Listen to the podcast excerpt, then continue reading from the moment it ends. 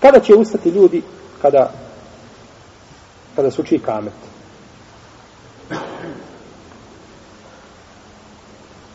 Osnova je da se i kamet uči kada se vidi imam. Kada se vidi imam.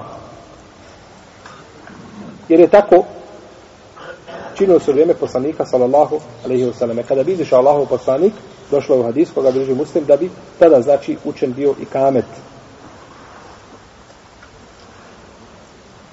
Po ome pitanje ima nekoliko mišljenja kod islamskih učenjaka. Imamo prvo ako je, ako je imam uh, prisutan, a nije se pojavio, stavio je, na primjer, pored džamije, svako zna da je tu, da izlazi, nije se pojavio, a neće se učiti kamet dok se imam ne pojavi. Jer imam odgovoran za i kamet, a, a, a, a mezir je odgovoran za za ezan. Prenosi se da Ali jedne bi talib jedne prilike izašao na namaz i opreda ima dobar lanac prenosilaca.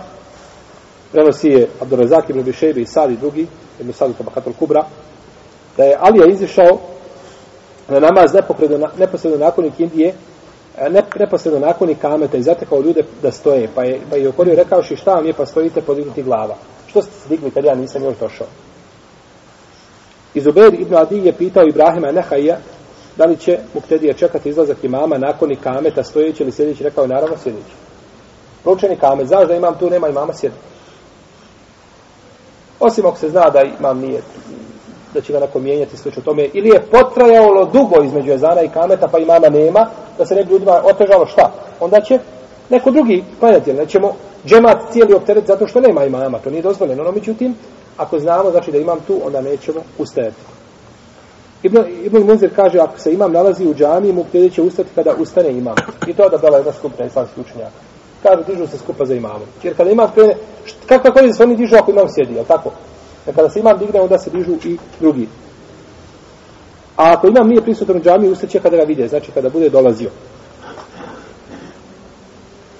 No, međutim, ako je imam u džami ušao i oni ga vide i počet učiti, počet, počeo se učiti i, ka, i kamet, šta će, šta će ljudi? Kako će, kada će ustati? U šarijetu to nije određeno. U šarijetu to nije određeno. Kad god da ustanu, hajde, i bareke. Ako im treba duže da se posapaju, obično znaju da se ne sapaju brzo, onda neka ustanu na početku i kamet. A ako mogu se brzo posapati, neka ustanu kada se uči kad kameti salat. Prenosi se danas Ibn Malika kada je ustao na namaz, kada je muzir učio kad kameti salat, kad kameti salat. I slično se prenosi od Omara, Ibn Omara, ali sa slabim lance prenoslaca. Znači ovdje je stvar široka, sve znači što šarijat nije ograničio, ni mi nećemo ograničavati. Nećemo ni mi ograničavati, jer svako ograničenje u šarijatu olakšten poteškoća. Poteškoća. Svako ograničenje u širijetu je poteškoća. A gdje gori je krug širi ostaven, elastičnije, to je olakšica. Pa njimi nećemo otežavati ljudima tamo gdje šerijat nije šta otežao nemamo pravo na to.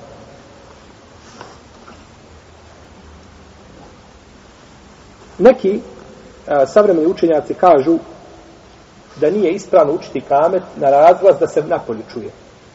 I pripisali su to misle šehu Albanije. Šeh Albanije bio toga stava. Ja nisam konkretno upoznat da sam mišljenjem ovdje šeha Albanija, da li je zaista zastupao tako mišljenje.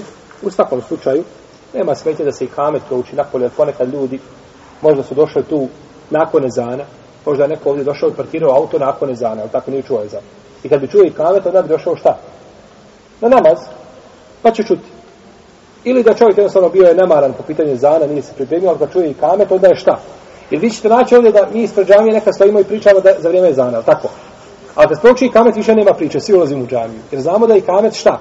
Početak namaza. Tako da je ponekad možda lijepo da se i kamet čuje na polju i prenosi se i prenosi se o, kod Šafije u njegovom usledu od Ibnu Omara sa ispravnim lancem prenosilaca da je Ibnu Omar bio bio na Beqiji, pa kad je čuo i kamet i džamije, znači glasno se učio i kamet, potrčao je u džamiju i otišao na namaz. Pa tako ne smeta išao tada da se uči, da se uči i i kamet na glas. Allahu ta'ala.